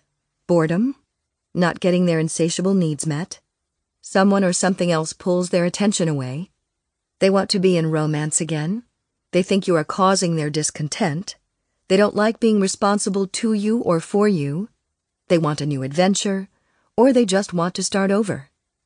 Deeper, more psychological reasons include that you know too much about their shortcomings. They feel inferior and inadequate around you. They're depressed and want to be admired and seen as perfect again, or they're just feeling old. It's not about you. You may notice that none of these reasons have much to do with you. They all have to do with how the narcissist interprets and reacts to his own feelings. Narcissists can't stand feeling anxious, fearful, despondent, or depressed. They become quickly desperate to feel better. Common reactions narcissists have when things aren't going well for them include getting angry, spending money, having more sex, getting over involved in a new project, or if all else fails, making a dramatic turnaround change in their own lives, such as changing jobs, moving, getting a divorce, having an affair, or changing their religion. If the narcissist is desperate to feel better, he may do all of these things at the same time. It's not your fault how the narcissist feels. Spending a lot of time trying to figure out what you did to make the narcissist pull away or end the relationship is not productive because it is extremely unlikely that you did anything out of the ordinary. Narcissists definitely like to blame you and others for things not going the way they want. It's important to remember that you don't actually make the narcissist feel or do anything. The narcissist may feel uncomfortable, dissatisfied, unhappy, and so on, but these feelings are inside of him and not under your direct control. The way you do things, say things, feel, or react may be perfectly acceptable or even delightful to someone else. The narcissist just sees you and the world from a skewed perspective. Narcissists have a delusional belief that their feelings are caused by the things that happen to them and the people around them. The total change in the narcissist's demeanor, attitudes, and behaviors toward you since the breakup can be heartbreaking. How could anyone change so quickly and so completely? You went from being the closest of confidants to being the enemy for no apparent reason. You may be trying to figure out what caused this change, but it is hard to put your finger on anything that you did that would be so awful or horrible. And you're right. You didn't do anything terrible. This change in your standing with the narcissist is completely within the mindset of the narcissist. He may blame you for various and sundry missteps, but any healthy, loving person would be willing to work out these differences. The narcissist latches on to anything to use as an excuse to explain his decision to reject and abandon you. Often, what the narcissist says is the problem, is not the real reason. Years ago, one narcissistic client said she wanted to end her marriage because her husband was uncouth. When I asked her how he was uncouth, she explained that he consistently went to important social functions with his shoes and belt not matching. As we kept talking, I found out that her husband wanted his 16 year old son to move in with them, which she was actually furious about, but didn't want him to know because she would look bad. Another narcissistic client was enraged and wanted out of the marriage because he felt his new four year old stepdaughter was disrespectful to him when she wouldn't clean her room. What he actually didn't like was that his wife gave the daughter more attention than she gave him. In fact, events that happen are only one of several components that affect how we feel. Our interpretations, support system, and resources are also powerful factors. Narcissists are highly biased and skewed in their thinking, so they consistently and mistakenly interpret negative feelings as caused by outside events and other people. Narcissists also have a limited support system made up of one or two friends chosen to exactly reflect their views and thoughts. Therefore, these friends can't offer meaningful help or insight in difficult situations. The only resources that narcissists value and can count on are money and freedom. This leads them to consider divorce more easily. Many narcissists believe that divorce represents total freedom and complete control of all the money and all the decisions. You can't fix them. As a caretaker, you flew to make things better for the narcissist, even if you had to take the blame for something you didn't do. You may have tried to smooth things over, change how and what you said, and meet more of the narcissist's expectations. However, in the long run, the narcissist always does what he wants to do. You can't change or control him. Trying to explain and get him to understand how you feel or to follow your suggestions leads to a lot of disappointment. Narcissists can't understand or relate to your feelings, and their interpretation of events will hardly ever match yours. Your words don't make sense to them. They may try to understand or pretend to understand, but in the long run, you are talking two different languages. When it comes to understanding your feelings or motivations, the narcissist is blind and deaf. When narcissists leave. When the relationship is at an end for the narcissist, it may come suddenly or may be long and drawn out. In either case, the narcissist has been stewing and probably discontented for some time without your ever knowing it. For narcissists, relationships always feel like an inner conflict and tension between freedom and abandonment, control and acquiescence, loneliness and suffocation. Their primary commitment is to their own survival, comfort, and safety.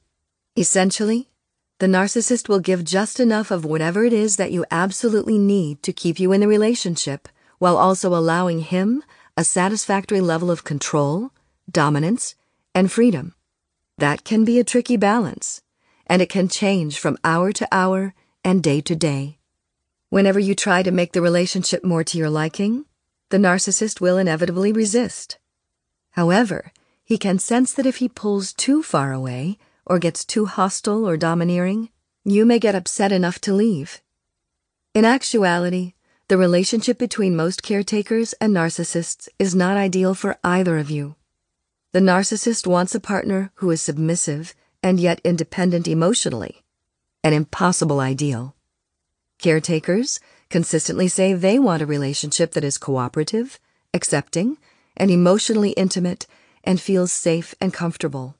It is highly doubtful that the narcissist has met those criteria more than briefly after the first few days or months of the relationship. Even so, relationships between narcissists and caretakers can sometimes last for years if a certain balance is found. Most relationships with narcissists, however, are fairly brief. Relationships are not static. Both parties change over the years, and narcissists don't deal well with changes that are out of their control. Children are born. Both partners get older. Jobs and roles change.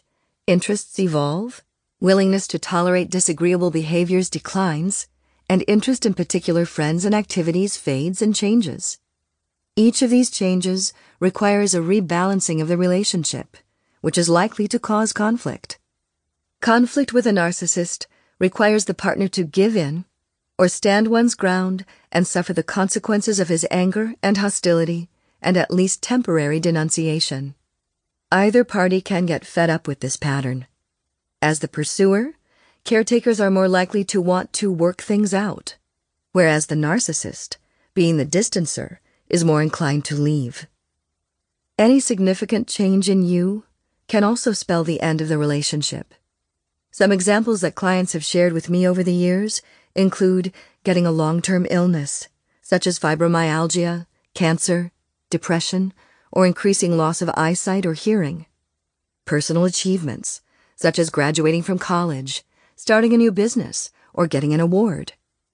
Entering the workforce, or changing your fight style, such as setting boundaries, speaking up more effectively about what you want, or refusing to be intimidated. Changes in the narcissist's life can also lead to the end of the relationship. Examples include the narcissist's most hated or loved parent dies, severe illness or injury in which the narcissist can't function for a period of time, a midlife crisis, the narcissist's fear of getting old, a significant job promotion or demotion, or a huge weight loss or weight gain. In healthy relationships, life changes can be a challenge, but they tend to strengthen the relationship. Narcissists frequently see such changes as nullifying the underlying relationship commitment and agreement. This provides an opening for him to exit rather than contend with the difficulties of readjustment and growth. Marjorie and Clay did pretty well in the first 10 years of their relationship. Clay had a high paying job in pharmaceutical sales. He thrived on hobnobbing with the medical doctors, going on trips paid for by his employer, having a million dollar home, and generally feeling important and successful. Marjorie enjoyed her job as a teacher and spent a lot of time with their two children. When the industry changed, Clay no longer got all those perks. His territory enlarged, but his commissions went down. Eventually, he was laid off, replaced by computer generated sales. He collapsed into a depression that lasted three years. They lost their house and had to rely entirely on Marjorie's teaching salary. Although they were getting by, Clay couldn't overcome the humiliation. He had to take a low paying sales job. He met a young woman at work, and his affair with her pulled him out of his depression. It also demolished his marriage and family. Marjorie wanted to keep working on their life together, but Clay was off in a new direction and never looked back. Narcissists find it hard to be without a relationship at all, so the timing or reason for their leaving is often based on their opportunity to move into another relationship quickly. Many narcissists already have a new partner picked out or have already started an affair before they leave. They literally can't stand to be out of enmeshment with someone for long. How narcissists leave. You have to be the bad guy. Push away, pull back. Sometimes the relationship with a narcissist will end suddenly, with an entire cutoff. However, it is more likely that the narcissist will leave, then want to come back, reconnect, and reject you again, maybe several times. He says he never wants to hear from you again, but then he calls or sends email messages that are infuriating and meant to re engage you. He wants a divorce but then agrees to go to therapy, which gives you hope. Then he quits therapy or doesn't show up. You never know where you stand. If you don't want the relationship to end, these tactics keep you on edge, hopeful, and yet frustrated. You feel pushed away, rejected, and disregarded, and then your hope is revived when he seems to be changing. However, if you don't come running back, he'll try to re engage you with unfair put downs false accusations, and biased remarks to others, which you probably feel you have to defend. Defensiveness and anger can keep you tied into the relationship even though nothing is improving. This push away, pull back keeps you off balance and continually hoping for reconciliation. It can waste days, months, and even years of your life. Waiting for the narcissist to decide the fate of your relationship puts all the control in his hands. This is what narcissists prefer. They want to keep you around while they decide for sure what works the best for them or until they find a new partner. It is important for you to start making decisions about what you want to do. They try to make you leave first. Narcissists always want to be seen as blameless when their relationships end. One way to do this is to try to make you leave them. They go through a phase of devaluing you and putting you down. They make spiteful, cutting, and wounding comments. They blatantly don't keep their commitments, passively aggressively forgetting or just rudely ignoring you. They refuse to tell you where they're going and who they're with. They say or do bizarre things while acting as if what they are doing is perfectly normal and appropriate. They accuse you of thoughts and behaviors that are not true, which leaves you feeling like you're the crazy one. This keeps them feeling righteous, and it keeps you furious and still engaged. They make choices they know you will reject. Another way the narcissist makes you the bad guy is to make a life choice that he knows you will reject. Some examples include a choice to move to another country, accepting a job that pays half of his current salary, or buying a house in another state without consulting you. When you get upset with these choices, you're accused of being unsupportive. If you agree to go along with these choices, he still isn't satisfied and may even increase his devaluing and criticisms of you because he really just wanted you to leave. More desperate attempts to push you out of the relationship can include bizarre and aggressive behaviors, such as getting another woman pregnant, moving a lover into the house you share, leaving on vacation alone and not returning, or selling a business and gambling the money away. Sudden trigger event.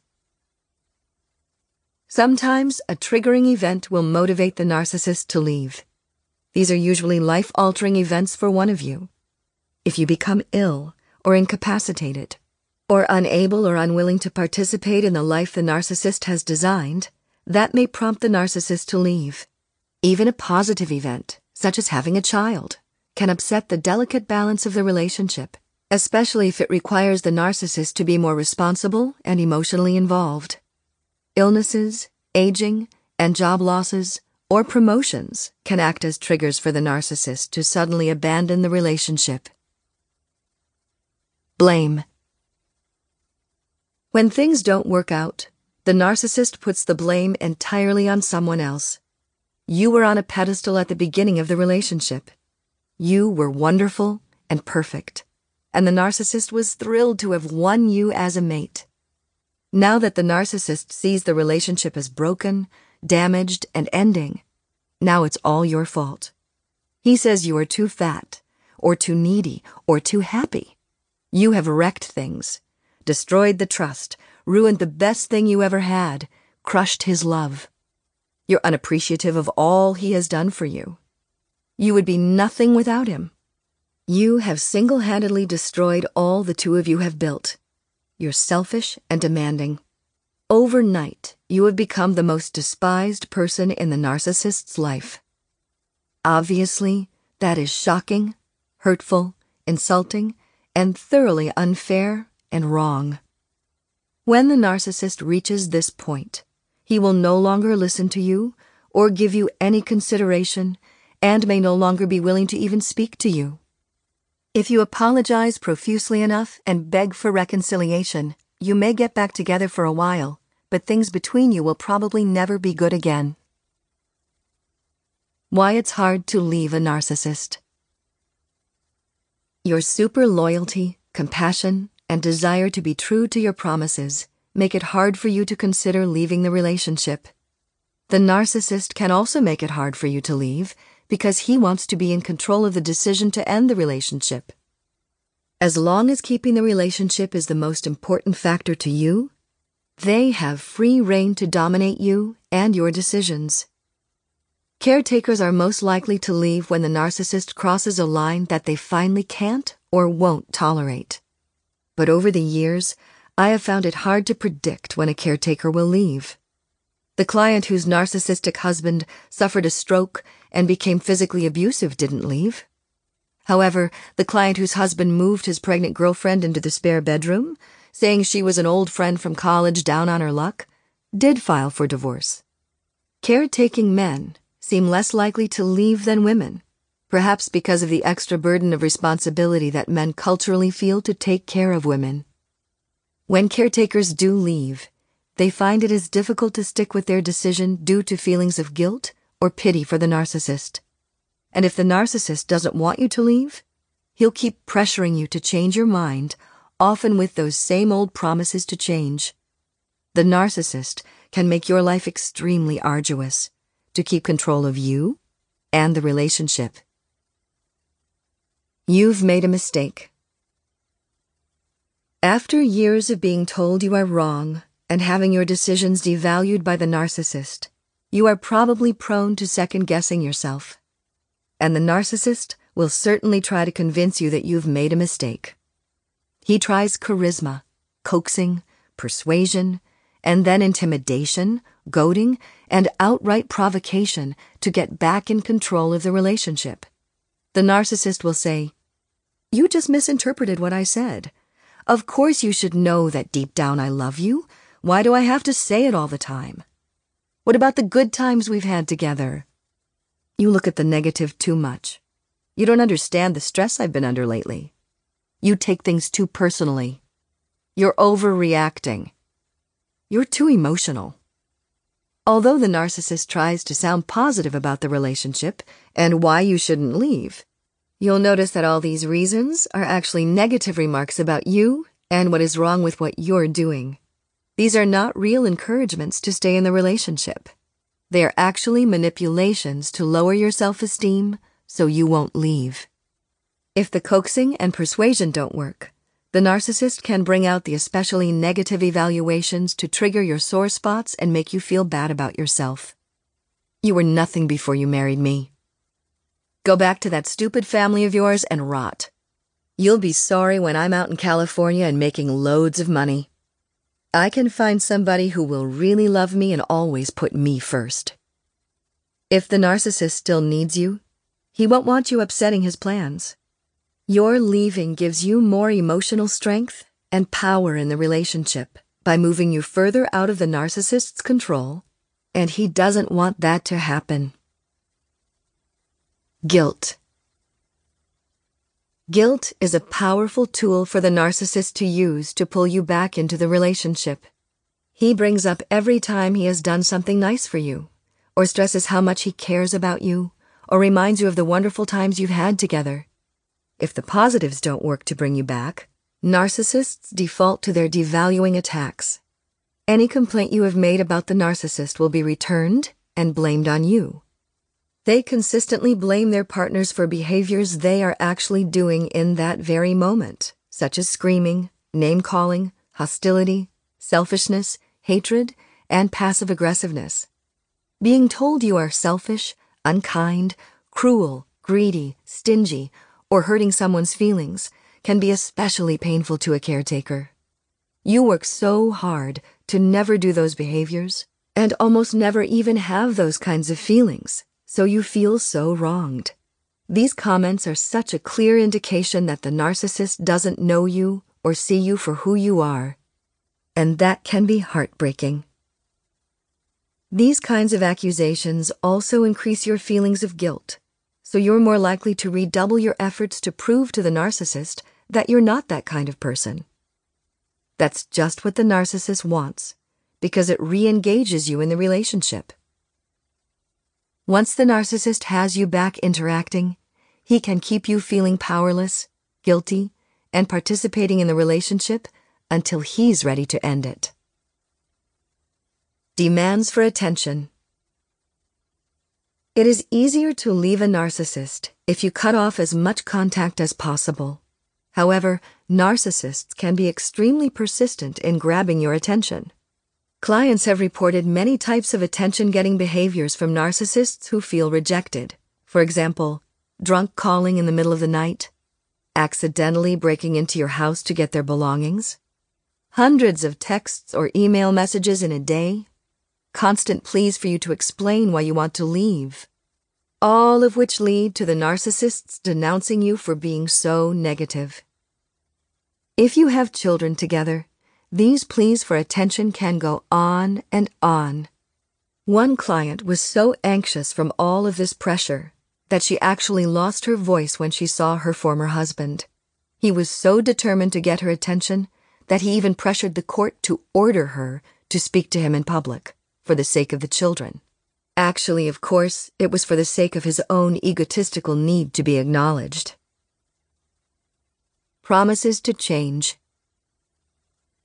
If persuasion, guilt, and attention getting behaviors don't pull you back into the relationship, the narcissist pulls out the promise to change. Suddenly, the narcissist says he understands why you are upset and ready to leave. He appears to be taking responsibility for his behaviors. He promises to go to therapy, do everything you ask, do things your way. He is so, so sorry to have hurt you. This is a tempting appeal for a caretaker who truly wants the relationship to work. Now it seems that the narcissist finally understands what you've been saying and is ready to make things right. He seems genuinely sincere. you breathe a sigh of relief and hope builds in you again. Inevitably, this hope disintegrates. Narcissists can't stop trying to control you, and they can't seem to control their own behaviors for any length of time. For a while, you think things are getting better. However, when the narcissist gets comfortable in the relationship again, he'll go back to being self absorbed, inconsiderate, arrogant, insensitive, and blaming. And of course, if things don't go his way, he's instantly back to the same defensive and antagonistic patterns. How many times you are willing to believe the narcissist's false promises is up to you. Social attacks and gossip. It is hard to keep the end of your relationship with a narcissist out of the public eye because the narcissist demands that everyone you know choose sides. As soon as possible,